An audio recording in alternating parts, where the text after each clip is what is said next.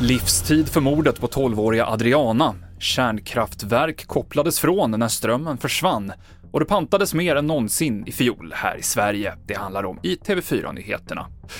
Ja, tre män döms till livstids fängelse för att ha skjutit ihjäl 12-åriga Adriana i Botkyrka sommaren 2020. De misstänks ha varit ute efter personer i ett rivaliserande gäng och enligt rätten har det skjutits urskillningslöst med automatvapen och männen döms även för mordförsök mot sju andra personer som befann sig på brottsplatsen. Johanna Björkman, som är juridisk expert, kommenterar bevisningen. Det här är ett klassiskt indiciemål. Det finns ingen direkt bevisning. Det är ett nät av olika omständigheter som åklagaren har presenterat för rätten. Och eh, med naturligtvis en Högsta domstolen-dom eh, som kom i februari som gav lite grann av en checklista för hur man ska resonera, så har ju tingsrätten då i det här fallet kommit fram till att det räcker sammantaget då allt det här för att det ska anses vara ställt bortom allt rimligt tvivel.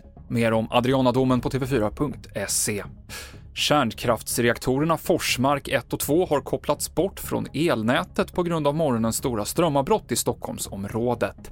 Problemen uppstod efter att ett underhållsarbete gått snett och det är oklart när Forsmarksreaktorerna kan börja producera el igen.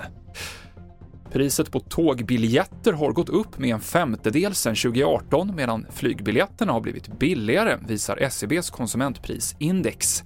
Och det här är något som bekymrar resenärer som vi pratat med. Det är ju inte så bra. Nej, men det, det är ett eh, mer kollektivt ressätt som kanske ska premiera, premieras. Det är ju jättesynd och jag vet att man måste ta ett personligt ansvar vilket man kanske inte gör då eftersom det är så stor skillnad sa Maja Brusell. Före henne hörde vi Eva Gyberg. Och svenskarna satte nytt pantrekord förra året då över 2,6 miljarder burkar och flaskor pantades. Enligt Pantamera Returpack är det 9% fler än året innan och rekordet motsvarar 295 förpackningar per person och 50 000 ton återvunnet material. Det avslutar TV4-nyheterna med Mikael Klintevall.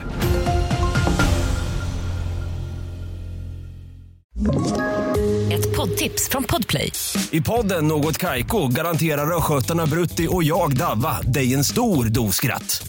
Där följer jag pladask för köttätandet igen. Man är lite som en jävla vampyr. Man har fått lite blodsmak och då måste man ha mer. Udda spaningar, fängslande anekdoter och en och annan arg rant. Jag måste ha mitt kaffe på morgonen för annars är jag ingen trevlig människa. Då är du ingen trevlig människa, punkt. Något kajko, hör du på podplay. Därför är gardinerna.